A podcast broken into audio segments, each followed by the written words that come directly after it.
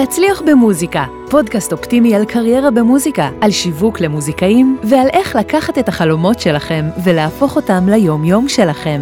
עמית ויינר מארח אורחים מוזיקאים, יוצרים ואומנים שמספרים על החיים והבחירות שלהם בקריירה.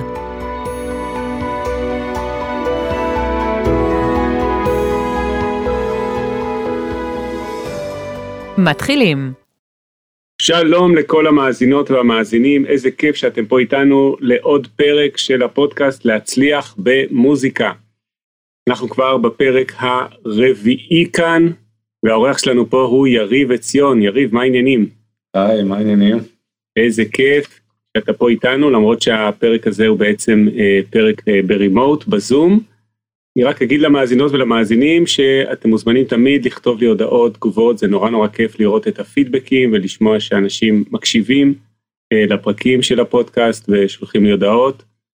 אז אה, יריב, אה, יש לי הרבה שאלות שהכנתי לך. יריב, תכף תספר על עצמך, ככה לאנשים שלא מכירים אותך. אתה די-ג'יי שמופיע בכל העולם, אתה מייסד והמנכ"ל של מכללת BPM. ו... אני רוצה לשאול אותך ישר שאלה חתרנית, אמרת לי להכין שאלות אה, אגרסיביות.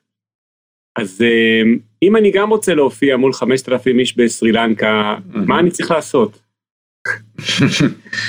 אה, זה באמת שילוב של דברים. את האמת שהיום הדבר הראשון שאני אומר למוזיקאים שאני עושה להם מנטורינג, ובאמת במסגרת BPM אני נותן לכל סטודנט אפשרות לעשות איתי זום אחד על אחד. של שעה, ולרוב אני קודם כל אומר בוא תראה לי את הסושיאל מדיה שלך. אה, לצערי היום באמת התחזוקה של הסושיאל מדיה, האינסטגרם בעיקר, אה, ובשווקים מסוימים כמו סרי לנקה מאוד חשוב פייסבוק, יש שווקים מסוימים שעובדים עדיין מאוד בפייסבוק, יש כאלה טיק טוק, יש כאלה אה, שמאוד חשוב להם, לא יודע מה, כמה השמעות יש לך בספוטיפיי, אז לכל שוק יש את הרגישויות שלו. וזה שילוב של דברים, אז שילוב בין לעשות מוזיקה אה, שמדברת לאותו, לאותו קהל בטריטוריה מסוימת, זה אומר בסרי לנקה, לשם השוואה, אז באמת הבאתי, אה, מכרתי 6,000 כרטיסים, הייתי ההדליינר היחיד באותה מסיבה, ובישראל, כן, המדינה בה חייתי רוב חיי, היום אני חי ביוון, אה, בשלוש שנים האחרונות לא קיבלתי הזמנה למסיבה אחת. וואי וואי, אין נביא, אין נביא בעירו מה ש... כן. רגע, אה, מה זה הדליינר למי שלא מכיר? הדליינר זה המופע הראשי, האומן הגדול כאילו שמביאים. אה, ובאמת אה, זה מאוד תלוי בשווקים, יכול להיות אה, שאתה ענק כאילו בטריטוריה מסוימת כי שם יותר המוזיקה שלך יותר מנגנים אותה לרוב זה על ידי די.ג'יי מקומיים שהם גם עם שמות חזקים שהם מנגנים את המוזיקה שלך ואז הקהל גם משזם יותר ונוצר עליך דיבור והיי באותה טריטוריה. אה, ומצד שני יש מקומות שהמוזיקה היא באמת פחות למשל באירופה יחסית אין לי. הרבה ביקוש, ודווקא לצער אשתי יותר נכון, והילדים, דווקא במקומות המאוד רחוקים. זאת אומרת, אה, יש לי המון בארגנטינה, זה השוק הכי חזק שלי. אה, אז במאי אני בארגנטינה בסיבוב הופעות של בואנוס איירס, קורדובה, מרדל פלטה ומנדוזה. נשתה אחלה מלבק על הדרך, ואחרי זה יש לי אה, דרום אמריקה, שזה ברזיל, קולומביה, כאילו בדרום אמריקה חזק בטירוף, סרי לנקה מאוד חזק, הודו יהיה השנה, אוסטרליה פסטיבל מאוד גדול בינואר, אה, שנה הבאה בריינבו סרפנט, אז מקומות מאוד רחוקים. ומצד שני באירופה הקרירה דווקא הדברים, כי אני עושה דברים מאוד אווירתיים ומאוד מלודיים ומרגשים, אולי באירופה הרגש קצת עם המזג אוויר הקר, אני לא יודע, פחות עובר ופחות אה, חזק שם, זאת אומרת מקבל פחות הצעות אה, מאירופה למשל. שמע, זה מאוד מעניין, תכף עוד נצלול לקריירה ולשמוע איך ככה הגעת לאיפה שאתה היום, וגם לספר את הסיפור שלך וגם של BPM, אבל אני עדיין רוצה רגע להבין, אז בעצם איך, איך זה קורה כזה שאתה כל כך מוכר בסרי לנקה ושמזמינים אותך לששת אלפים איש שמגיעים לשמוע אותך? כלומר, מה, יש לך סושיאל מדיה שמכוון לסרילנקה? לא, ממש לא, במוזיקה אלקטרונית, אה, בתחום של די-ג'יי מאוד מאוד חשוב אה, באיזה לייבלים אתה מוציא את המוזיקה, באיזה חברות תקליטים. וחברת תקליטים יש לה את הקהל אה, שסובב סביבה, ויש חברות תקליטים, אה, סתם דוגמה, אחת החברות תקליטים שאנחנו סוג של קולקטיב חברים גם מאוד קרובים, שכולם שם ישראלים, אה, לייבל שנקרא Lost and Found, הבעלים שלו קוראים לו גיא ג'יי. אה, גיא יהודה במקור, גם ישראלי לשעבר, היה חי שנים בבלגיה, היום חי במלטה. וזה לייבל שבעולם ה progressive house הוא נחשב לטופ של הטופ, ויש לא מעט אנשים, כולל עכשיו שהייתי בסרי לנקה, עם קעקועים כאילו של הלוגו של הלייבל על היד. My God, מה אתה אומר? ברמה כזאת. אמ, אז זה באמת אה, קהל שהוא מאוד מאוד עוקב אחרי אותם לייבלים, ואחרי די.ג'יי מסוימים, ואם אתה משוייך לקליקה הזאת, אתה ממש נחשב ביניהם לעילוי. המון די.ג'יים ופרודוסרים מאוד רוצים להגיע לחברות תקליטים האלה, ולשמחתי אני עבדתי מאוד קשה שיהיה לי את הסאונד שלי ואת הנישה המוזיקלית שלי. Stereo Underground ששואלים אותי על הפרויקט שלי, מה, מה הסאונד, אז זה Stereo Underground, זה אני, אין לי, לא תוחם את עצמי באיזשהו ז'אנר או משהו, אז בניתי לי עם הזמן, באמת מקטע ועוד קטע ועוד קטע שיצא, את הסאונד שלי, והרבה מפיקים שרוצים להגיע לסאונד שלי, ואז בטריטוריות מסוימות בעולם, נחשב באמת למוביל מאוד וחלוץ כזה בסאונד של אותו ז'אנר. אה, וכמו שאמרתי, זה יכול בשווקים מסוימים להיות אה, הצלחה מסחררת, ובמקומות אחרים כאילו לא יכירו אותך. וואו, מטורף. טוב, תכף אני רוצה עוד לצלול לתוך הסאונד, מעניין אותי מהו, מהם המאפיינים של הסאונד, אבל uh, עוד שאלה שהכנתי וכבר uh, נגעת בזה, אז בעצם השם במה שלך זה לא יריב עציון, שזה השם הישראלי שלך, נכון? כן. אלא Stereo Underground. אז אה, בעצם תראה, אנחנו באים מעולמות אה, הפוכים לגמרי, אה, ביום שמישהו יקעקע את השם שלי על הכתף, אני יכול לצאת לפנסיה, בתור מוזיקאי שהרקע שלו הוא קלאסי, ובסטודיו שלי פה כרגע אנחנו מקליטים על הפסנתר כנף, אה, שיש לי פה ימאהה C3, אז אה, למה בעצם לדי-ג'אים אה, יש שם במה? האם זה רק לישראלים שהם לא רוצים לקרוא לעצמם, אה, אתה יודע, סמי כהן או משהו כזה, או שזה בכל העולם? ומה הקטע בזה? תספר לי רגע. יש כאלה שבוחרים ככה, בסוף היום זה מיתוג. אני אישית, אה, זה מחובר לכמה דברים. אחד, זה נותן לך אה, יותר חופש לעשות כאילו גם כל מיני פרויקטים שונים. שתיים, אה, משהו מאוד טכני שאני מאמין בו, זה אם אתה בא להופיע בארצות הברית ואין לך ויזת אומן, עדיף מאוד שזה לא יהיה תחת השם שלך, כי ימצאו תוך שנייה ותקבל בלקליסטד לאיזה עשר שנים, מכיר אנשים שחטפו את זה. וואי וואי. אה, ויזת אומן לארה"ב עולה המון כסף, היום צריך לחדש אותה כבר פעם בשנה, אה, זה טור עם הראש, זה סלט, ו... אז זה גם דבר שהוא מאוד עוזר, בכלל בטריטוריות הרבה פעמים מביאים אותך לא תחת ויזת עבודה, ואז uh, כדאי, עדיף שזה לא יהיה תחת השם שלך. Uh, וזה עניין של חיבור או איזה, אני אוהב שלכל דבר יש איזה משמעות, אז אה, ספציפית Stereo Underground זה מתוך ספר של ברוס סווידן שהיה טכנאי, ספר שנקרא Make Mine Music, ספר מאוד מומלץ.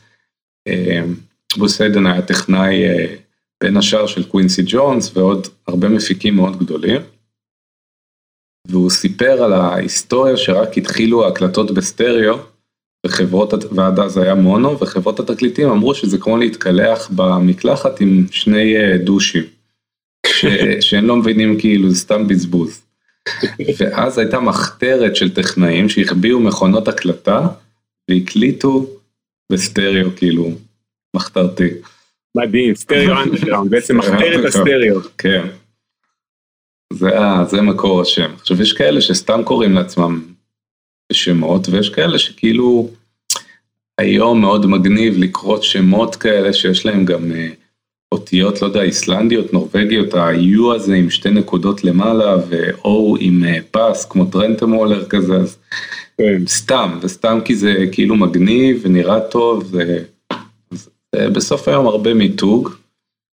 אה, אבל זה תמיד רטרוספקטיב כזה, אינפקטד משרום לדעתי זה שם נוראי, ועובדה שכאילו מאוד...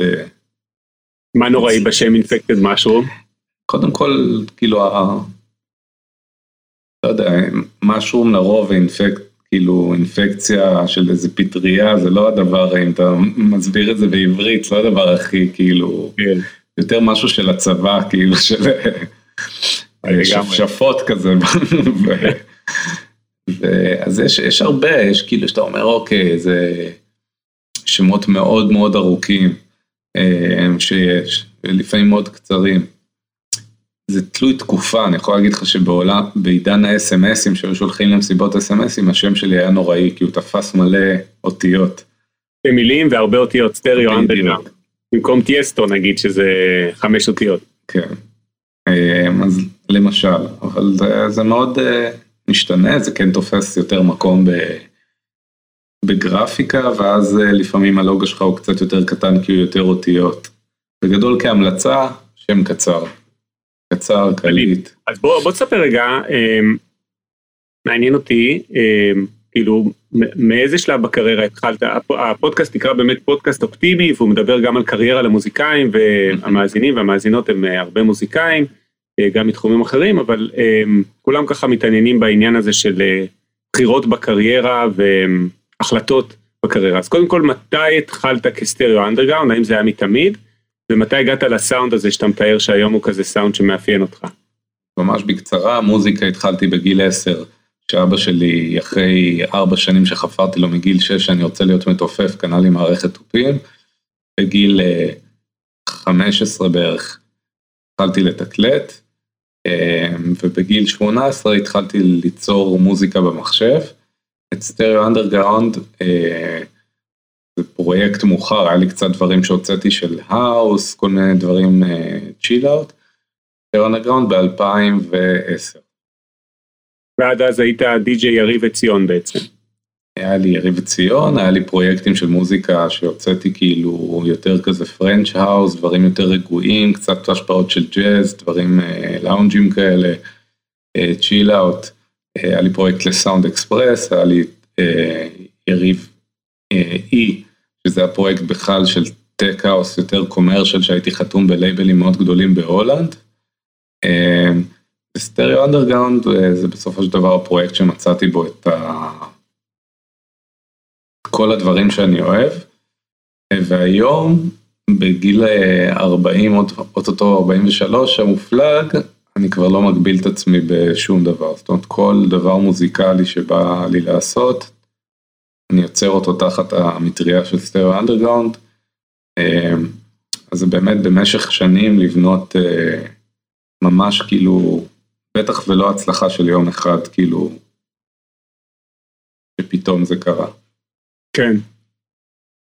ותמיד היית עושה מוזיקה מקורית בלבד, או שאתה גם uh, מתקלט מוזיקה של אחרים ברמיקסים שאתה עושה, או שזה הכל מקורי שלך? מה, מה, מה הקטע שלך בעניין? לפני משהו כבר אני חושב שבחמש שנים האחרונות אני רק מופיע עם 100% מוזיקה שלי. אה, וגם משלב עם כל מיני קונטרולרים אה, כאלה custom made ש... שיש לי, ואני מאוד אוהב את האספקט של live, ומאוד אוהב את המאה אחוז שלך שאתה ממש, זה רק אתה חשוף מול הקהל. אה, יש לי היום מוזיקה ברמה שאני יכול רק מוזיקה שלי לנגן במשך ארבע שעות אני חושב. וואו. ולשמחתי, בגלל שאני עושה את הסאונד שלי ואני לא מכוון לסאונד שהוא כרגע מה שיש, התורן, ההייפ, אז אני מנגן גם קטעים שלי מלפני שבע שנים, ושעובדים כאילו פגז.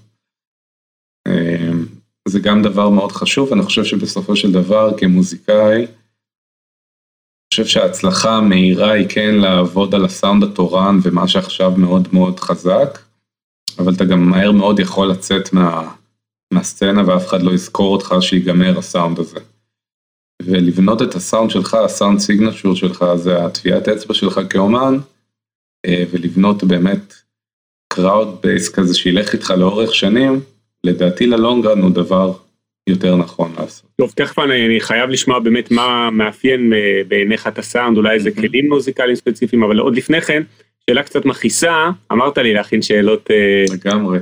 מכעיסות. אז בעצם, מה ההבדל בין די-ג'יי שלא מנגן מוזיקה שלו, לדי-ג'יי שכן מנגן, למה בעצם זו אותה מילה? נגיד די-ג'יי חתונות, אתה לא די-ג'יי חתונות, עם כל הכבוד, נכון? לדי-ג'יי חתונות עושים כסף, מרוויחים יפה, גם אני כשהתחתנתי היה די-ג'יי חתונה, והיינו צריכים שמישהו ישמיע את המוזיקה, אבל אפילו יש, אתה יודע, כזה מין דעה רווחת בקהל הרחב, שכשדי-ג'יי אומר שהוא מנגן מוזיקה, הוא לא באמת, די-ג'יי אני מתכוון עכשיו די-ג'יי חתונות, הוא לא באמת מנגן מוזיקה, הוא משמיע מוזיקה, ובמקרה שלך זה, זה בעצם סוג אחר לגמרי, למה זו אותה מילה, והאם אתה מבין מה העניין פה? ברור, אז הבסיס הוא המילה דיסק ג'וקי, כאילו די-ג'יי זה דיסק ג'וקי. בגדול ככה, בוא נתחיל, קודם כל הקהל היום בעולם, אין לו מושג אם אתה מופיע עכשיו live, מנגן מוזיקה שלך, לא שלך, זאת אומרת זה הרוב הגדול, ה majority, שהוא הולך לאיזה פסטיבל, הוא רק שמע שעכשיו מגיע איזה סולומון, או מגיע איזה מישהו אחר, ורצים כי עכשיו יש איזה הייפ, יותר מזה, אני חושב 60 אחוז, אם לא 70 אחוז מתעשיית המוזיקה האלקטרונית היום בעולם של הדי-ג'אים, זה ghost producer, זה לא האנשים עצמם עושים את המוזיקה, יש להם מפיקי צללים שעושים את המוזיקה וזה יוצא תחת אותו השם של הדי-ג'יי, אבל הוא לא היה דקה באולפן לפעמים. הם רשומים כ writers כלומר, כאלה שיוצרי המוזיקה, אבל זה לא באמת הם כתבו את המוזיקה עצמה. הם משלמים למפיק, המפיק הזה עושה להם את המוזיקה וזה יוצא תחת השם של האומן. אני קיבלתי לא מעט הצעות מדי-ג'יים גם גדולים. להיות הגוסט שלהם. כסף לא רע. ובגדול אז הקהל הוא לא כל כך מבין, אני חושב שכאילו דברים שהם מאוד כיפים שאתה מנגן רק מוזיקה שלך, אחד שיש לך הרבה פעמים, אני תמיד דואג שיהיו לי שפנים כאלה בכובע שאין לאף אחד, זאת אומרת טרקים שלי שלא נתתי אותם גם לאף די.ג'י בעולם לנגן. ואז המקום היחיד שאתה תשמע אותם זה בהופעה שלך. וואו. וכמובן האספקט של ה live שאתה באמת יכול לעשות minus one לתפקידים, לנגן תפקידים ב live, להוסיף דברים, לעשות גרסאות שאני מאוד אוהב כמו להקות אה, אה, רוק כזה שעושים לך וריאציות שונות שאתה מגיע להופעה שלהם וזה לא מה שאתה שומע בדיסק, כאילו או באונליין. זה משהו שאני מאוד אוהב, שהקהל אומר וואו, מה זה הוורז'ן שהיה שם כאילו של הווקל של פלאשס, שזה להיט מאוד גדול שלי, יחד בכלל עם טרק ישן שנקרא Endless Sun, וזה ביחד שילוב מדהים, או גרסה שלי לפינק פלויד, China New Crazy Diamonds, וכל מיני דברים כאילו שאני אוהב לעשות, שהקהל באמת רק בהופעה ישמע אותם. רוב הקהל בעולם בעצם לא מתעניין בשאלה הזאת של הדי-ג'יי שמנגן כרגע מוזיקה על הבמה, האם זה מוזיקה מקורית שלו, או שזה רמיקסים, או שזה בכלל שירים של אחרים. רק מעטים, ואלה שהם כאילו מאוד מבינים, אז הם כמובן שהם מבינים את ההבדל, וגם יגידו לך את, ה, את ההבדל כפידבק, וגם פרומוטרים, כאילו איזה פרומוטר בהודו אמר לי, צילם את ה... את ה מסך שלי והוא אמר זה מה שאני אוהב באומנים שהם אומנים שכל המוזיקה כאילו שלהם הכל כאילו ראה סטרנדר סטרנדר גם ולא עכשיו על העיתים שכל אחד יכול לנגן. הכל מה? מה המילה שאמרת? אני אומר ולא כל הלהיטים שכל די.ג'יי כאילו באמת יכול להוריד היום את המוזיקה ולהשיג מוזיקה חדשה ולנגן אותה אין בזה כל כך. ודי.ג'יי חתונות מה אתה חושב על זה? כלומר די.ג'יי שלא מנגן בכלל מוזיקה מקורית שלו. זה לא מוריד מהיוקרתיות של מישהו כמוך שמופיע בעצם בכל העולם עם מוזיקה מקורית? לחלוטין, זה גם, זה לחלוטין עולם אחר לגמרי, זה מאוד... אני לא, אני לא זוכר, אני ראיתי בזמנו איזה סוגיה מאוד גדולה שהיא קורית היום בכל, כמעט כל התחומים בעולם, שאנשים בבית קמים יום אחד והם קוראים לעצמם מוביל דעה, שף, קונדיטור, אסטרונאוט, לא יודע מה, נהג פורמולה 1. כן.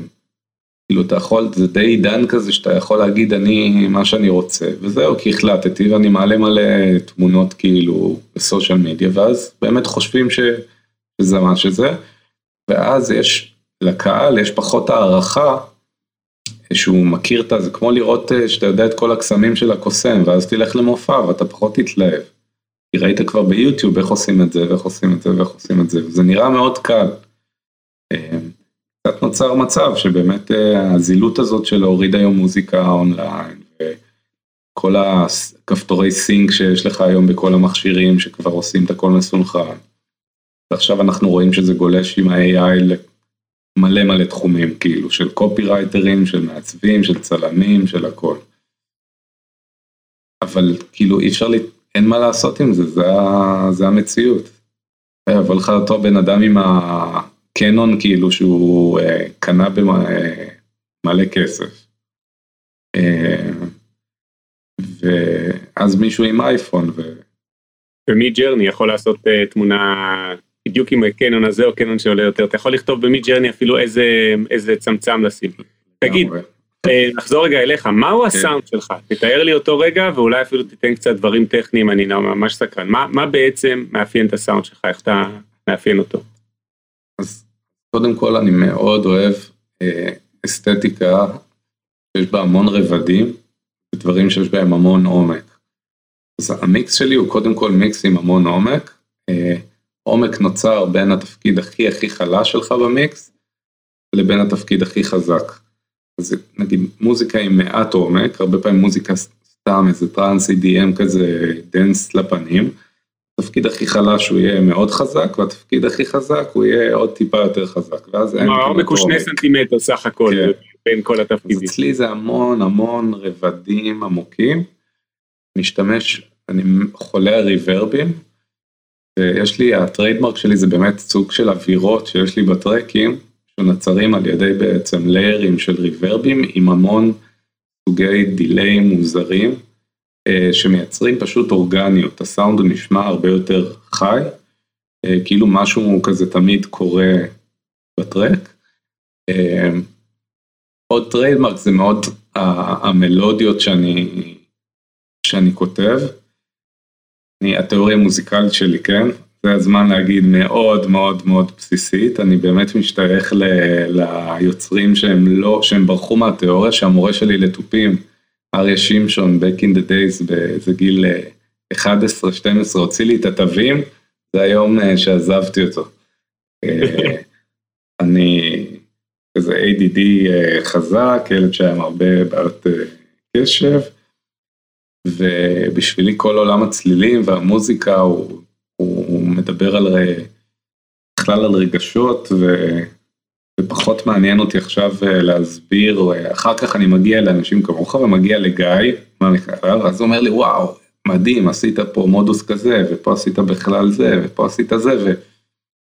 אוקיי, מגניב, אז כן, המלודיות שלי אה, וההרמוניות שלי הם הרבה יותר אה, לא שגרתיות ומורכבות מאשר הסטנדרט כאילו שקורה ב, בתעשייה וגם המבנים בכל טרק תמיד יהיו לי מבנים שהם, אני לא עובד לפי pattern, עכשיו צריך לרדת זה, עכשיו במלודיה, עכשיו זה יוצא, עכשיו זה נכנס, יכול להיות לי break, פתאום break זה האזור שהוא פחות עם איזה kick שמרקיד, יכול להיות גם ארבע דקות אם זה מה שצריך.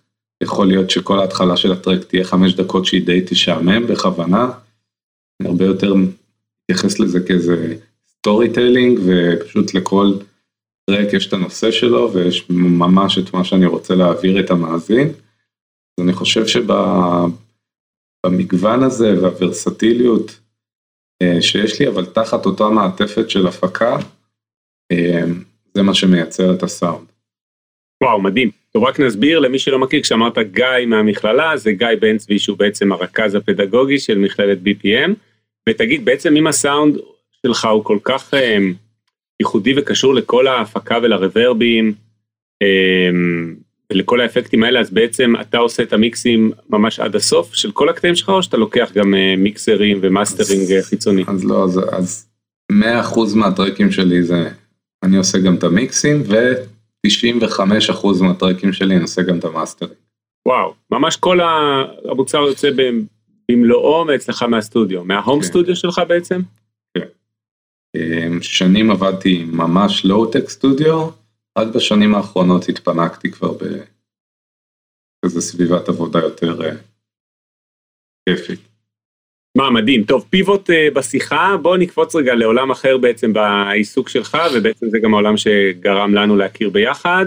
אני מגיע מהאקדמיה למוזיקה בירושלים ואתה בעצם uh, ייסדת את מכללת BPM שעכשיו יש לנו איזשהו uh, uh, בעצם מיזם חדש, תוכנית uh, משותפת לתואר ראשון בשני המוסדות שזה משהו מאוד מאוד מרגש מבחינת כולנו. אז uh, איך הקמתם את BPM, מה היה הסיפור, מה היה החזון כשהתחלתם? סיפור אה, מאוד אה, נחמד, רומנטי, עידן חנה שותף שלי, גם שייסדנו ביחד את BPM, אמ, לפני 20 שנה זה היה.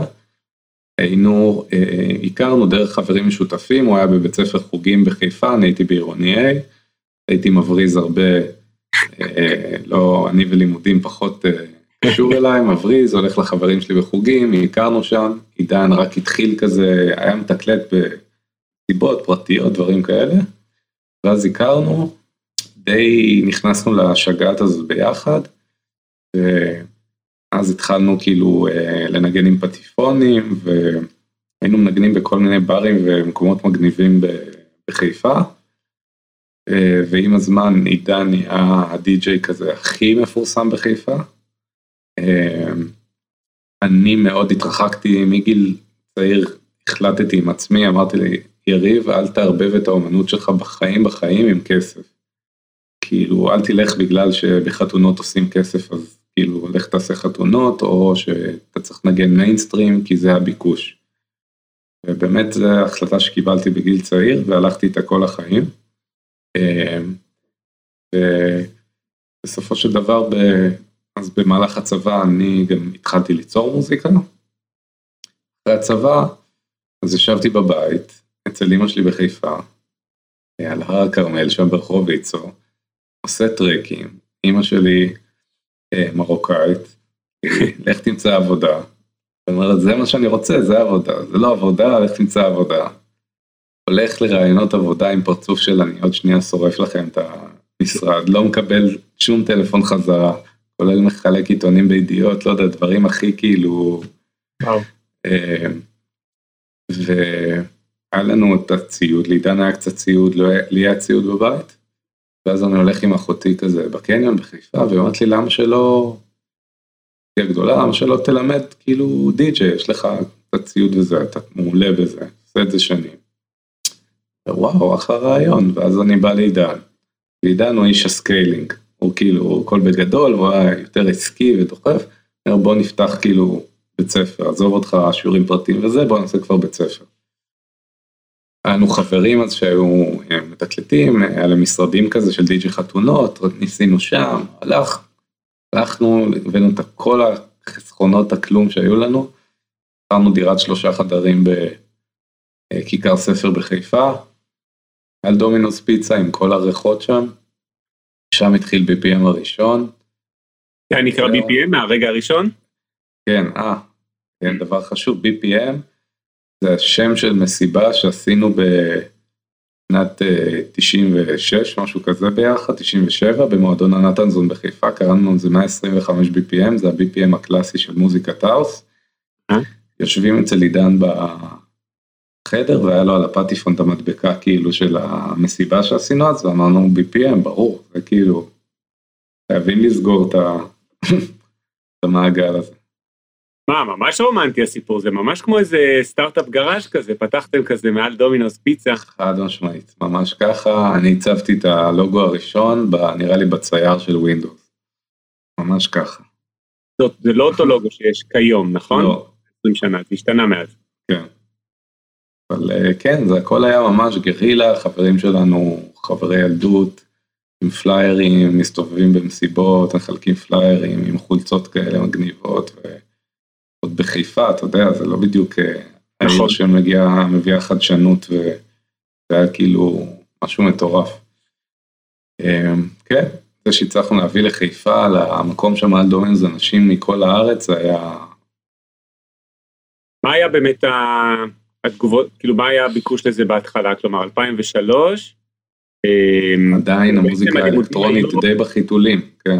הלימודים היו בעצם רק לימודי די-ג'יי בעצם, ככה זה היה נקרא? היום יש לכם הרבה תוכניות ב-BPM וכל מיני, אה, מגוון רחב מאוד, אז זה היה בעצם אך ורק די-ג'יי, זה ככה קראו לזה? הקורסים הראשונים זה היה רק די-ג'יי, הסלוגן היה בי די-ג'יי, ואז לאט לאט, בגלל שקצת יותר בהפקה הממוחשבת, התחלנו להכניס U-Base, אני חושב זה היה הגרסה הראשונה, הייתה לדעתי ה-VST 32 או SX1, משהו כזה. אה, לא על מקרן אפילו, על טלוויזיה שמנה של פעם, כאילו כזה ישן. שיושבים כמה סטודנטים כזה מחשבים ו... וואי וואי. אבל היה בזה קסם מדהים, ממש זה גראז' דייס כזה. מה, ומה היה הרגע שעברתם לתל אביב? סיפרתם לי את זה באישי, אבל אה, מעניין שתספר את זה גם כאן. אז בחיפה עברנו לסניף גדול יותר. יפה יותר, באזור הקריות, שהצ'ק פוסט בחיפה, ממש עם מנוף לבניות, לבתי זיקוק, ובאמת שהיינו בתקופה מאוד טובה, וזה מלחמת לבנון השנייה. אני עם אה, איזה מורה קלאסיקאית שהייתה לנו בזמנו, מורה גם לפיתוח קול, זמרת אופרה איריס קרצר. ופתאום טילים, אני רואה מהחלון כאילו בצ'ק פוסט, אתה יודע, אתה רואה את הלבניות זוהרות, ואתה אומר אוי ואבוי, אתה רואה טילים. אתה אומר מה לזה, יש לי שתי כיתות שלומדות, אני הולך איתם בצ'ק פוסט, אזעקות, עניינים, ואז אנחנו חודש סגורים, עוד שנייה כאילו פשיטת רגל, מה, מה עושים? אנשים הגיוניים היו עושים מלא דברים אחרים. בהיגיון שלנו היה אוקיי, יש לנו הרבה תלמידים מהמרכז, תל אביב זה התעשייה, בואו נחפש מקום בתל אביב. ודרך חבר ג'יי ויוז, יונתן דגן, אה, מפיק ישראלי ותיק, גר שנים בארצות הברית, הוא מצא איזה אולפנים לשעבר באולפני קיוטון ברחוב בן אביגדור, אמר יש פה אולפנים, אני אקח חדר, אתם תיקחו חדר, עוד חבר שלי לוקח חדר, ואז ככה נזכור את המקום. טוב, נבוא לראות. באנו, ראינו, אמרנו לו, רק בגלל שאתה טיווחת, נשאיר לך חדר, אנחנו לוקחים את הכל. וואלה. וזה התחיל רק מהקומה העליונה, הקומה השלישית של האולפנים, והיום זה כבר כל הבניין, כולל הגג, כולל המרתף, כולל... כן, מרשים מאוד, כן, זה גם אווירה מדליקה ממש, וגם uh, מקום מרשים מאוד. זה באותו מקום בעצם מה, מהרגע שעברתם לתל אביב, נכון? מ-2006, כן. ותמיד זה היה שניכם בעצם. תמיד שנינו עד היום, כן. בוא נדבר רגע ביזנס ויזמות, מעניין אותי, בעצם אתם שניכם ככה אה, מנכ"לים בעצם? זה הגדרת התפקיד של שניכם? אנחנו באמת... יש מנכ"ל ומישהו שאחראי על שיווק או איזושהי אה, הגדרת... אנחנו תמיד חולקים כי בסופו של דבר זה באמת, זה עסק שככל שהשנים עוברות אנחנו מבינים ש-BPM ה-DNA שלו הוא בעצם המשותף שלנו. זה המערכת איזונים ובלמים שלנו, זה אה, לפעמים כל הדחיפה של אחד בצד השני, אם זה באיכות מוצר, אם זה בשיווק, אם זה במכירות, אם זה בחדשנות, כל הזמן כאילו נוצר איזה משהו כזה שהוא לא יכול להתקיים אחד בלי השני, הוא יכול להתקיים, אבל הוא לא יהיה BPM, וזה באמת ה-DNA, סוג של מנכ"לים משותפים, אה, בורד כזה, ועל רוב הדברים אנחנו באמת עובדים ביחד, לכל אחד יש את הדברים שהוא יותר מפוקס עליהם, אני יותר בתוכן, פיתוח אה, מוצרים, קריאייטיב, גם יותר במכירות, כספים, ניהול בכלל, אה, בית ספר מהלך לניהול, קורא כל היום ספרים עדיין של אה, ניהול, וזה באמת השילוב הזה של משהו שהוא מנוהל מאוד טייט לבין משהו שהוא מאוד קריאטיבי, חדשני. זה, זה, זה בגדול כאילו לדעתי הדבר הזה, וכן, שומרים את זה לאורך 20 אה, שנה. מדהים, בדיוק השנה בעצם, ב-2023, נכון? זה חוגג בדיוק 20 שנה. כן. זמן טוב לעשות את השת"פ הזה יחד איתנו עם האקדמיה, גם לציין אה, גם את זה. חד משמעית, לחלוטין זה בא לנו בדיוק אה, כמו שכבר אמרתי קודם, אנחנו שנינו עולמות הפוכים, אני פה עם אה, הים ה-C3 ואני בא מהתחום של התיאוריה, שאותך הפחיד כשהמורה לתופים ניסה להגיד לך זה. זה, זה ממש, אני כאילו ממש בא מהעולם, אפשר להגיד ממש מהעולם ההפוך, אתה יודע, התחלתי כפסנתרן קלאסי, אחרי זה עברתי כמלחין, גם לגמרי קלאסי או בתחום של מוזיקה מודרניסטית, ואז גם בעצמי עשיתי איזשהו סוג של פיבוט אל תוך העולם של מוזיקה לסרטים וספריות וקטלוגים, שזה בעיקר מה שאני עושה היום. והאמת שמעניין אותי, אותי לשאול אותך גם על זה. אז חלק מהפודקאסט, אני גם אה, שואל את האורחים, וגם אה, בפרק הראשון של הפודקאסט הסברתי על כל מיני אפשרויות פרנסה ותעסוקה למוזיקאים. אז אה, אם נחזור אליך רגע כאומן יוצר, אז איפה המוזיקה שלך יוצאת? כלומר, האם יש לך publisher, כלומר מוציא לאור שמוציא את המוזיקה שלך? האם אפשר להשתמש בה לסרטים אם מישהו רוצה, ואם כן, אז איך? תאר לרגע את החלק הזה. אז יש המון המון אופציות לפרנסה בעולם המוזיקה. אני, שאמרתי, אני הרבה פעמים באמת מסרב להמון פרויקטים. קודם כל, כל עולם, כל עולם ה ghost production היום, להפיק מוזיקה שתצא תחת שם של מישהו אחר, אה, זה דבר שיש בו הרבה כסף. עכשיו, סתם דוגמא, תחשבו שאתם, כמו שהיום מפיק, יש לו את הפרונט, אה, לא משנה, לידי גאגה, ווטאבר, לא משנה איך נקרא לזה, אה, ומאחורי כוכבי ריאנה היום וכל מיני ריאנה גרנדה וכאלה יושבים מלא מפיקים ואנשי שיווק וזה צבא סביב זה. אבל תחשבו שאתם אולי לא רוצים, אולי לא בנויים כל היום להופיע בעולם וטיסות ו... והסטרס המטורף הזה להיות ב-high performance כל הזמן.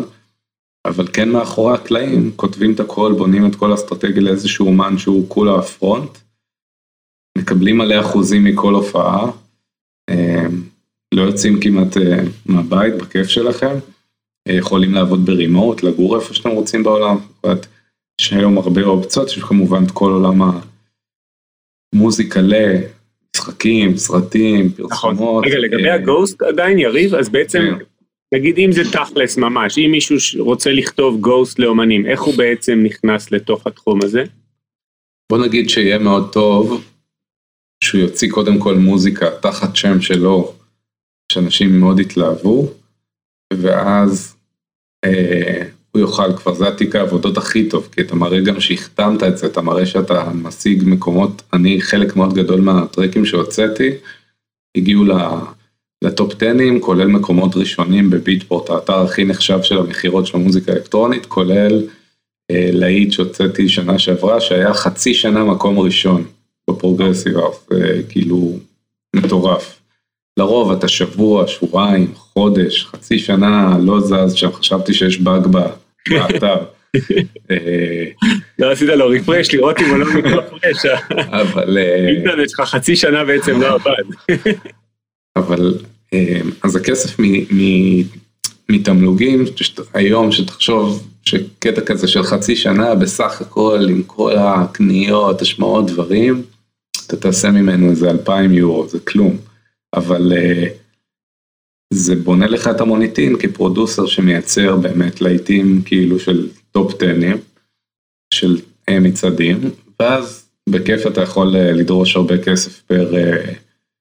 אה, קטע כ ghost, או כ remixer, פונים אליי הרבה לייבלים, בהתחלה שאתה עושה רמיקס זה גרסה, לעשות גרסה לטרק אוריג'ינל קיים, וככל שהשם שלך גדל, החברות תקליטים כבר פונות אליך ואומרות בבקשה תעשה לנו רמיקס, נשלם לך, בדרך כלל זה סביב 1,000 יורו, 2,000 יורו, רמיקסרים ממש גדולים, זה יכול להגיע גם ל-5,000 יורו. אמ, זה מוסיף שיווק לרליס, וכמובן את הגרסה שלך שהיא מיוחדת. אז זה עוד דבר שאני מקבל הרבה מאוד פניות ולרוב מסרב רק אומנותית, כאילו, הרבה פעמים זה קטע שאין בו מספיק בשר להפוך אותו למשהו עם כיוון אחר. אה, או לא מאתגר אותי מוזיקלית לצורך העניין. אה, זה מצחיק, הרבה פעמים, כאילו ברמיקס אמרו לי למה לא שמת אבל את המלודיה של Stereo Underground, כאילו, אבל בטרק המקורי אין מלודיה, אז מה, כאילו זה טרק חדש, זה אוריג'ינל. כן. אמ, אז זה גם תחום שיש הכל. עכשיו יש כמובן ארטליסט שזה אחלה פלטפורמה, אמ, יש לי פאבלישר, יש לי פאבלישר שהוא אמ, קודם כל אוסף לי את כל הכספים מהאגודות, PRS, אה, אני חתום, כל מיני אגודות בעולם על השמעות אה, אה, ציבוריות, כל התמלוגים, הדברים האלה. וכמובן יש את העניין של למכור את המוזיקה שלך לפלייסטיישן, לאיזה סדרה בנטפליקס, לאיזה משהו כזה, שהיום יותר ויותר סדרות, יש להם סצנות במועדונים ו... ובכלל מגוון מאוד רחב, זאת אומרת, מוזיקה קולנועית פעם הייתה מאוד מסוימת, היום זה ריינג' כאילו. נכון. אז איך בעצם זה קורה טכנית? אם אה, סדרת טלוויזיה בנטפליקס רוצה את המוזיקה שלך לסצנת מועדון, היא פונה ל publisher ומבקשת, אה, עושה בעצם הצעה ל sync? כן. התשלום? היא בודקת מה publisher שלך ועושה, כן. אה, עכשיו יש כל מיני סוגים של דילים, יש כאלה buyouts, יש כאלה תמלוגים ו... כמו מוזיקה גם לסדרות ודברים כאלה. כן. למשל, מאוד עניין אותי בעונה האחרונה החדשה של פאודה, לא היה את המוזיקת פתיחה. שהייתה מאוד מזוהה עם פאודה. סביר להניח שלא הגיעו להסכמים על ה...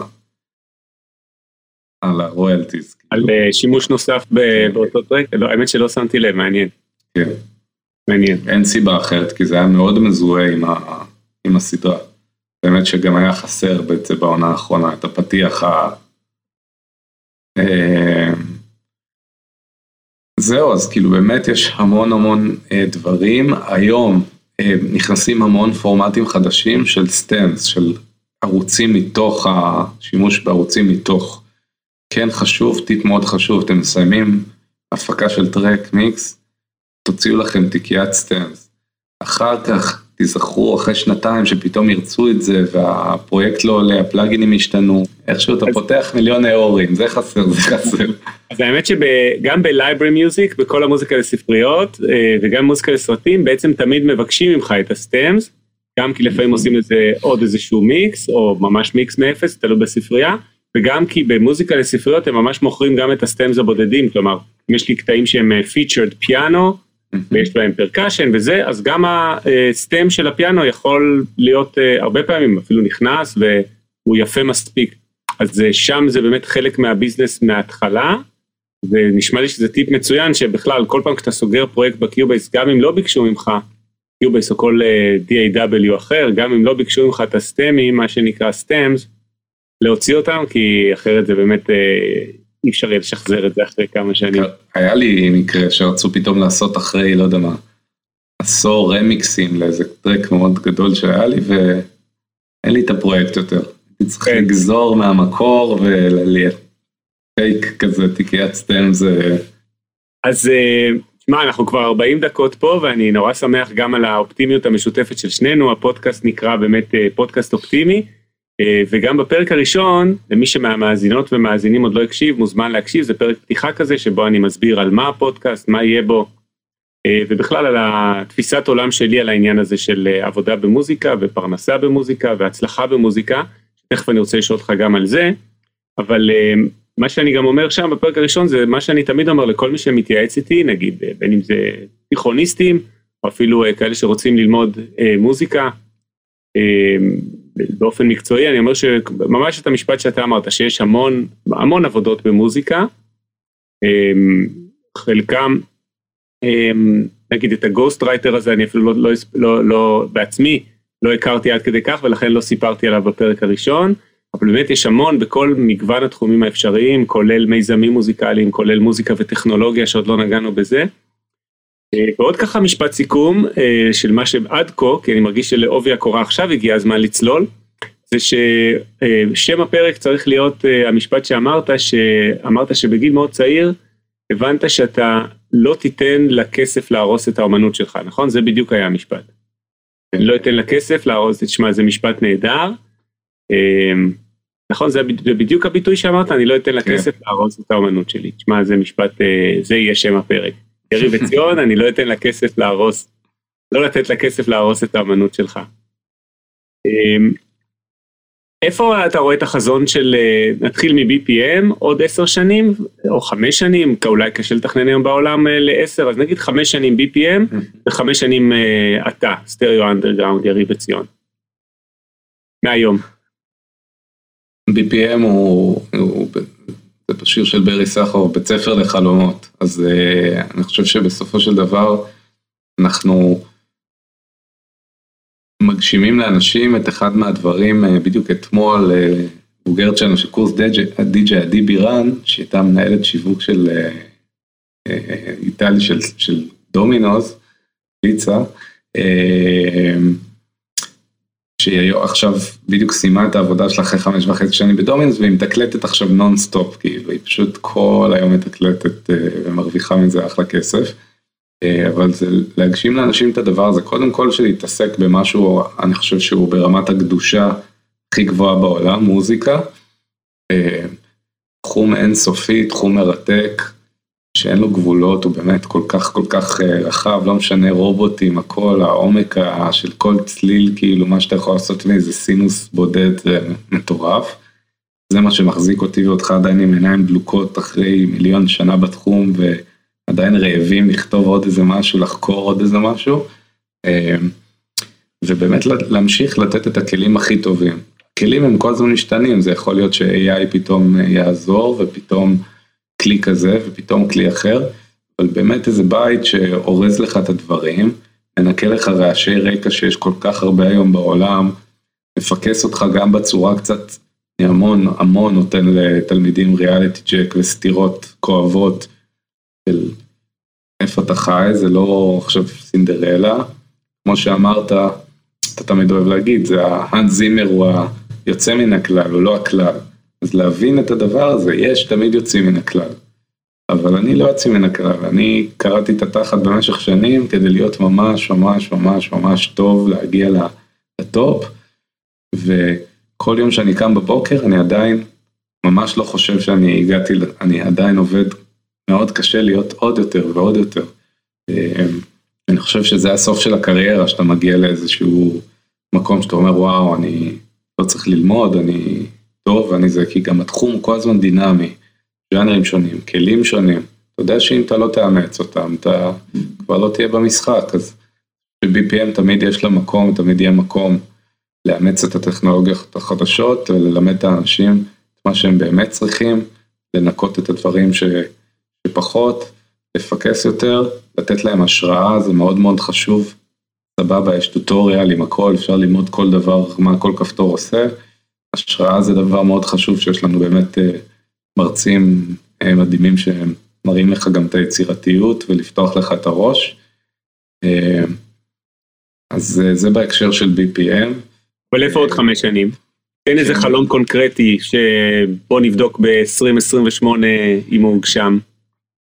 אני חושב שיהיה איזשהו extension של, של BPM בעולם, לאו דווקא בצורה של בתי ספר מאוד גדולים, זה יכול להיות במקומות אה, יותר מעוררי השראה של כל מיני אה, פופ-אפים או סדנאות או דברים כאלה, אבל ללא ספק אה, יש לזה ביקוש המון, גם העולם, בגלל שגם אני BPM מבקשים מארגנטינה וברזיל ומכל מיני מקומות של למה אתם לא עושים פה ולמה לא באנגלית ולמה לא כאן ולמה לא כאן, אז אני חושב שזה לחלוטין יהיה. אין לי ספק שיהיה קורסים אה, כמובן שיהיו אדם ומכונה לחלוטין, אה, ואנחנו גם נהיה שם. אה, אז, ועדיין להשאיר קצת את העולם הישן, כאילו, את הרומנטיקה הזאת בתוך התחום, זה משהו שהוא כאילו יהיה לי מאוד קשה להיפרד ממנו ואני אשאיר אותו תחת BPM, זה גם הסיבה שאני גר ביוון, זה כמו לחיות פה ב nineties. וואי, בזה בכלל לא נגענו, בזה שאתה בעצם, אנחנו אה, בעצם, אפילו אני לא זוכר אם אמרתי, אמרתי בהתחלה שאנחנו מנהלים את זה כרגע בזום, כי אתה בעצם אה, חי ביוון, שזה בכלל לא נגענו. ואיפה Stereo Underground ויריב עציון עוד חמש שנים? אומנותית וגם אה, ככה עסקית מעניין אותי גם. Stereo Underground, אני תמיד אוהב לאמץ טכנולוגיות. עשיתי לא מזמן מוזיקה לברנינגמן, לפסטיבל שהיה, מיצג שהוא היה אה, ספירה, כדור עם 52 אה, רמקולים אה, ב-360. וואו. ובעצם אני מאוד מאוד חושב שהמוזיקה בסטריאו ובכלל מבחינתי עולם המועדונים, ה clubbing, בנקודת מגוז אחת לאיזה די-ג'יי ולא לזוז כל הערב, זה כבר לא שם, אני מאוד רואה את העתיד של, ה, של התחום של המוזיקה, של פסטיבלים, של מסיבות, שאנשים יזוזו בין רמקולים, כל אזור שתהיה ברחבה ותזוז, תחווה את המוזיקה בצורה אחרת, כנ"ל לגבי גם visual, אז אני רואה את Stereo Underground גם מוזיקלית מתפתח לעולמות האלה שלא רק סטריאו. ממש לא... אני לך בעיה עם השם, תצטרך לקרוא לזה Surround Underground. דווקא זה חרוז, אבל זה... כן, אבל זה ה extension. אה, אני מאוד, אה, אז אני מאוד אוהב טכנולוגיות, חדשנות, יחד עם זאת אני למדתי לא לקפוץ על כל הייפ אה, ורכבת ש... שיוצאת וכל NFT וכל דבר כזה, אני ממש לא sucker של טרנדים, אני מאוד קופץ שזה משהו שמאוד מאתגר ואני רואה לו באמת איזשהו סיבה שאני יכול אה, להשתמש בו, גם Dolby Atmos מבחינתי זה לא שם למוזיקה אה, שלי, אפשר לעשות הרבה יותר, אז אה, יש, יש את הטכנולוגיות, יש כלים, יש לי היום כל מיני פלאגינים של סראונדרים מטורפים וגריין דיליים בתלת מימד, דברים פסיכיים. רגע, ואיך עשית את ה-52 רמקולים אם לא בדולבי אטמוס? מה הייתה הטכנולוגיה שעשית? בריפר. ריפר זה DAW כזה חינמי, או שעולה מאוד ממש מעט, ואתה יכול לשלוח שם עד איזה, לא יודע מה, 64 רמקולים שונים, דרך מערכת שהיא מדמה לך את הספירה או את הבמה שאתה עובד איתה, את הכמות רמקולים, כאילו מדמה לך באוזניות, כן? באוזניות, לא בשני רמקולים כן. בסטודיו, באוזניות רק. אוקיי. באוזניות רק באוזניות וזה גם לא דומה בכלל. פלוס אה, חברה שאני מת עליה, צרפתית שנקראת GRM Tools, שהם הוציאו אה, GRM Spaces לפני שנה, איזה, לדעתי ה-CTO אה, שם, אני חושב שהוא חייזר, הוא כאילו תמיד ממציא דברים שהם לפחות 40 שנה קדימה עדיין, כאילו, ה top, עדיין החבילות הישנות שלהם לפני 20 שנה הם עדיין כאילו, וואו, עכשיו הוציאו את Spaces, שזה כאילו, אז grain delay ים לזה, אז עשיתי הדמיה של הכדור שם. וחלק מהסאונד, לקחתי טרקים שלי שהם מאוד ambient ים, לא, לא dance floor ים דווקא. אמ, ודברים כמו הפג'יאטור שיורד עליך כמו גשם רק מלמעלה של הכדור, וזה משהו שכל הזמן רץ ככה, זה כמו זבובים שהם בכלל ככה כל הזמן. איזה סאב שמלמטה מבשל אותך, כאילו, זה חשיבה לגמרי שונה על... על כאילו איך, איך אתה חווה מוזיקה, והבן אדם יושב על מחצלת באמצע הכדור, וואו. שמונה אנשים שוכבים, וחוטפים חוויית כאילו סאונד פשוט משוגעת. אה, אתה יכול לעשות, אתה יודע, לדמות כל מיני דברים, כאילו זה מעגל שבטי באפריקה שהם יושבים באמצע בתוך איזה סיר שמבשלים אותם, לא יודע מה, כאילו מיליון דברים מטורפים. זה משהו שמאוד מעניין אותי, אני לחלוטין רואה את עצמי ב... אז הייתי ממש חלוץ שלהם של הפרויקט הזה, מוזיקלית, ומיקס, וזה משהו שמאוד מעניין אותי לקחת את Stereo Underground גם למקומות אה, האלה ולעוד כלים חדשים. אה. מדהים. יאללה, שתי שאלות אחרונות ואז אנחנו נוחתים ממש. אמ, שאלה אחת יותר ככה אה, תכלסית ואחת יותר ברומו של עולם. נתחיל דווקא ברומו של עולם. אה, מחסום יצירתי. אתה מתיישב מול ה Cubase, אומר, טוב, אני צריך לעשות טרק, יכול שאפילו יש לך איזה דדליין, לעוד אה, חודש יש לך פסטיבל, יושב על ה Cubase, לא יוצא כלום, או שאתה יודע, אתה מתחיל כזה, שם איזה loop, אה, אולי, האמת שאני לא יודע, תתאר גם את תהליך היצירה שלך, זה יהיה מעניין, ו, ואתה נתקע במחסום, מה אתה עושה במקרה כזה? וגם אני אשמח לשמוע על תהליך היצירה בהקשר הזה. אוקיי, okay.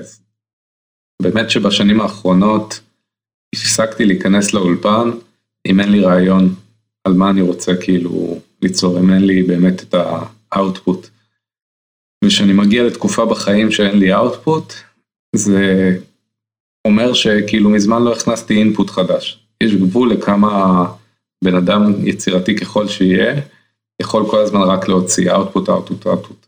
אז טיפ מדהים לכל האומנים, לא רק מוזיקאים, בכלל אומנים. החיים שלכם, אם לא הבנתם עוד את הסינוס האכזרי הזה, זה החיים של אומן. אבל האאוטפוט הזה, הרגעי מוזה או השראה, זה הכל בזכות רגעי המינוס הנוראים שאמרתם, מה אני עושה, אני לא צריך לעבוד בתחום, אין לי כלום, אני לא יכול להיכנס לאולפן, זה זמן האינפוט. אה, שאני קולט בחיים שלי שאני בזמן אינפוט, אני מאמץ אותו, אני לא נכנס לאולפן, ואני הולך להשיג לי עוד אינפוטים, זה יכול להיות איזה סרטים, זה יכול להיות מקומות, עכשיו אני ברילוקיישן, אז אני נוסע סופי שבוע למקומות מטורפים של נופים מדהימים. אה, אני אוהב לבהות המון. אה, מסימו בוטורה, שף של המסעדה הכי מפורסמת בעולם, אוסטריה פרנסיסקנה, הוא אמר, אתה חייב להשאיר מקום בחיים, קורא לזה פואטרי, אבל לשבת על ספסל, לבהות בענן, לבהות בעץ. מאוד חשוב לא כל הזמן להכניס למוח שלך דברים פתורים. קורין אלאל אמרה לי, שלא זוכר מי נתן לה את הטיפ, להוריד מיתר של הבאס בגיטרה. כאילו תן למוח להשלים דברים, אל תיתן לו כל הזמן בכפית את הכל לעוס, ואז משם באה היצירתיות שאתה צריך כאילו לעשות אנלוגיה לכל מיני דברים. אז כל קטע רגע, אני חייב להגיב למה שאמרת, קודם כל זה כן. מרתק ממש, סליחה שעצרתי אותך באמצע המשפט, זה קודם כל מרתק ממש, ובדיוק קראתי ועכשיו אני לא זוכר איפה, אני אחרי זה אחפש ואגיד גם לך כשניפגש שוב וגם למאזינים בפרק הבא, קראתי באיזה מקום ששעמום הוא הדבר הכי טוב ליצירתיות. עכשיו שעמום זה משהו שבימינו נשמע דבר מאוד מאוד שלילי, ואנשים ממש מפחדים, בעצם היום אין שעמום, יש לך טלפון כל הזמן איתך, אז בעצם אנחנו לא נכנסים אפילו לאלפית השנייה של שעמום. ונורא התחברתי לזה שקראתי את זה, וזה גם בדיוק מה שאתה מתאר על הלבהות, כי כשאני הייתי ילד, לא היה לי טלפון נייד, אנחנו באותו גיל, אני בן 42, אה, אוטוטו, עוד חודש.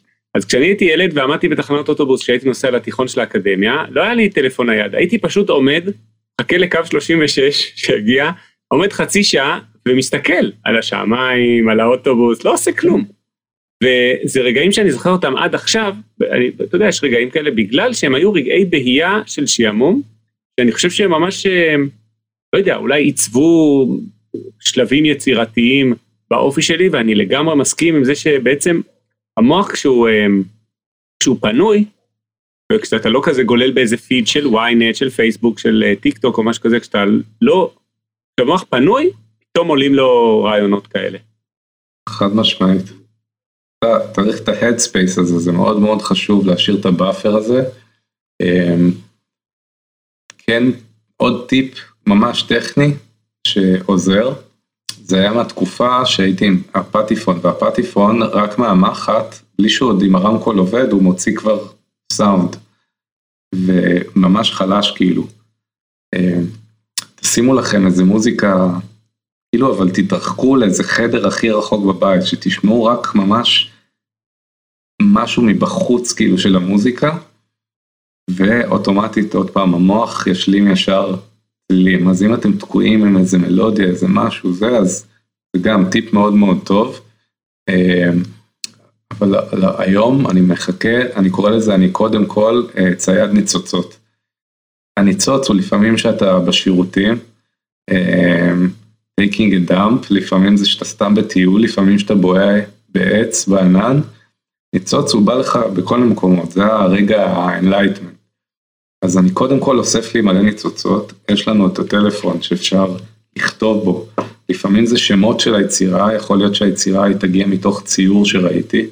על יצירה The Faceless אה, Man, ציירת באוסטרליה שעשתה ציור The Faceless Man ואמרתי וואו, עכשיו אני מתחיל לעשות לזה אנשה, מה זה The Faceless Man, מה זה בשבילי, איך עכשיו זה, איך זה בצלילים.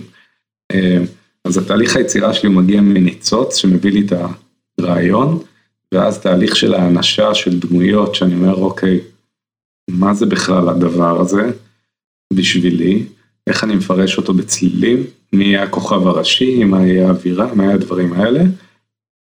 ואז מייצר לי דבר ראשון בפרויקט, את האווירה, כי זה כמו מסגרת שטוחנת אותך עכשיו להיות ממוקד בעולם הזה. כי זה כמו שאומרים לאדריכל, תבנה לי בית.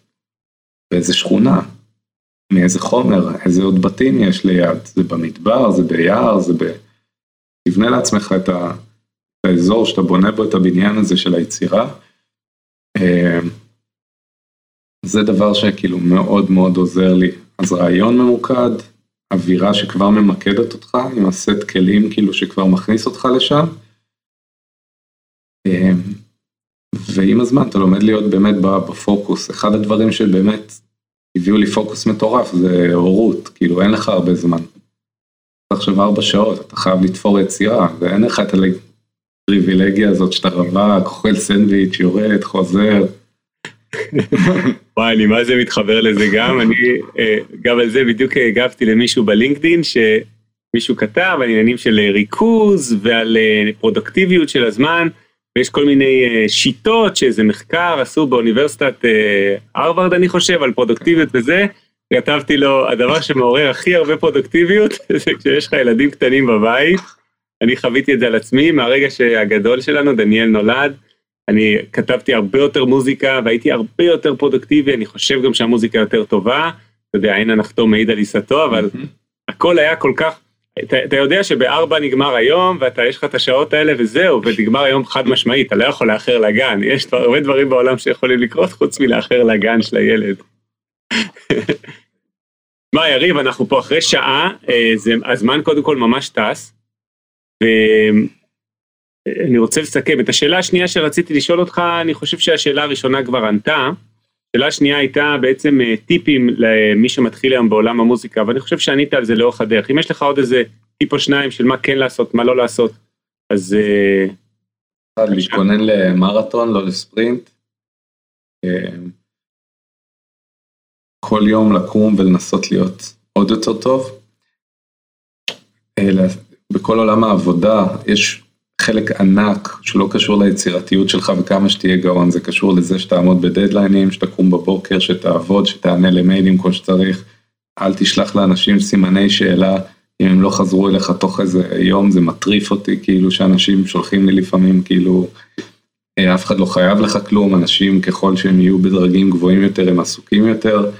אה, הכל להיות מאוד מנומס, אה, אשמח שאני יודע שאתה עשו, כאילו מאוד צריך לכבד.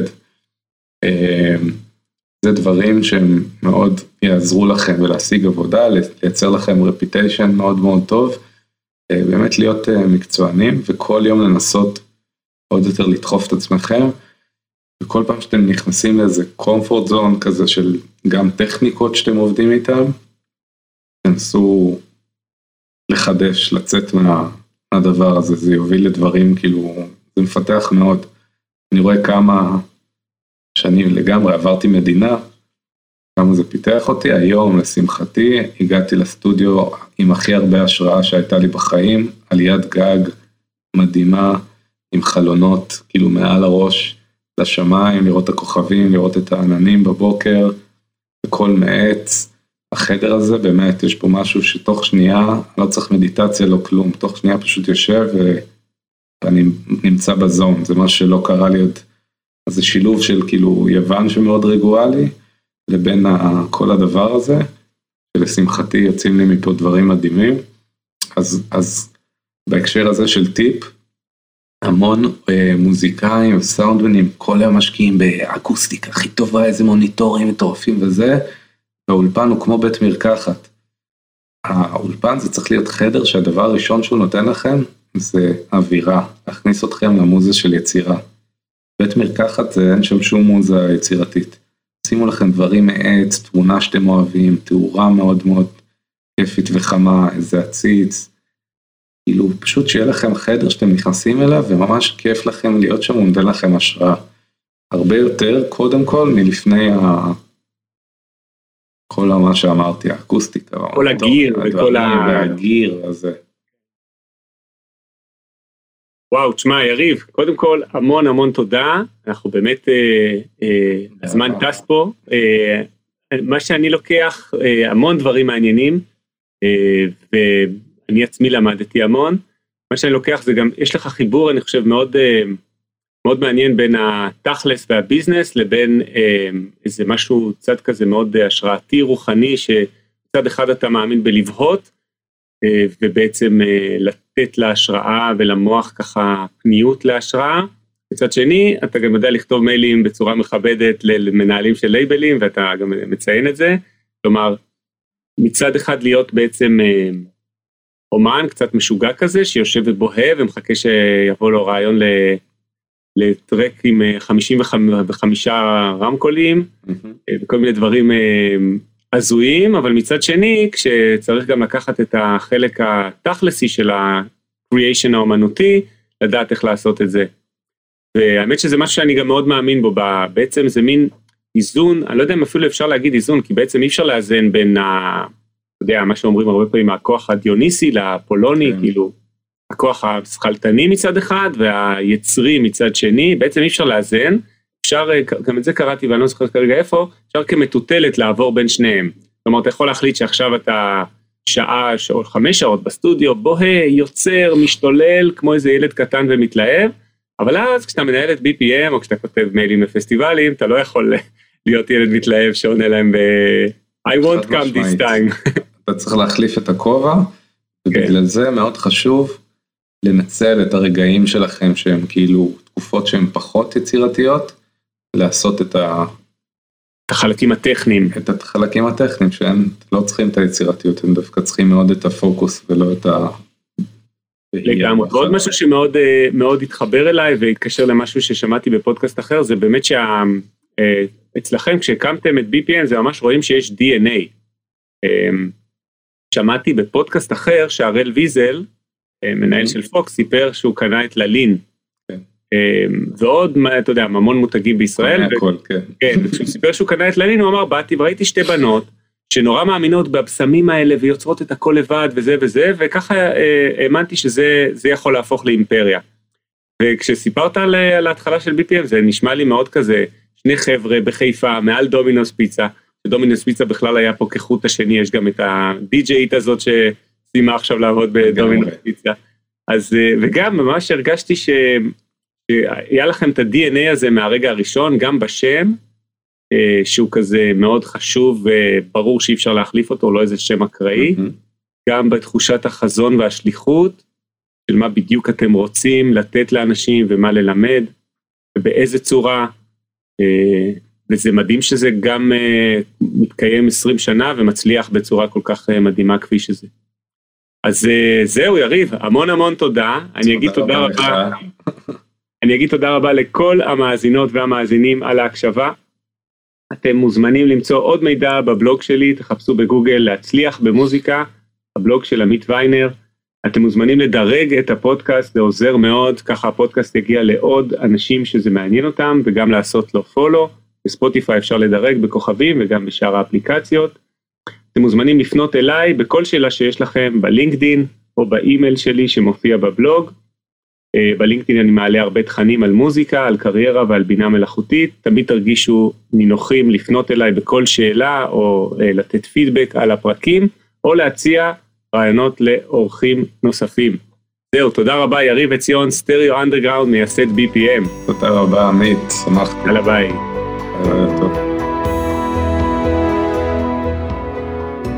להצליח במוזיקה, פודקאסט אופטימי על קריירה במוזיקה, על שיווק למוזיקאים ועל איך לקחת את החלומות שלכם ולהפוך אותם ליום-יום שלכם. עמית ויינר מארח אורחים מוזיקאים, יוצרים ואומנים שמספרים על החיים והבחירות שלהם בקריירה.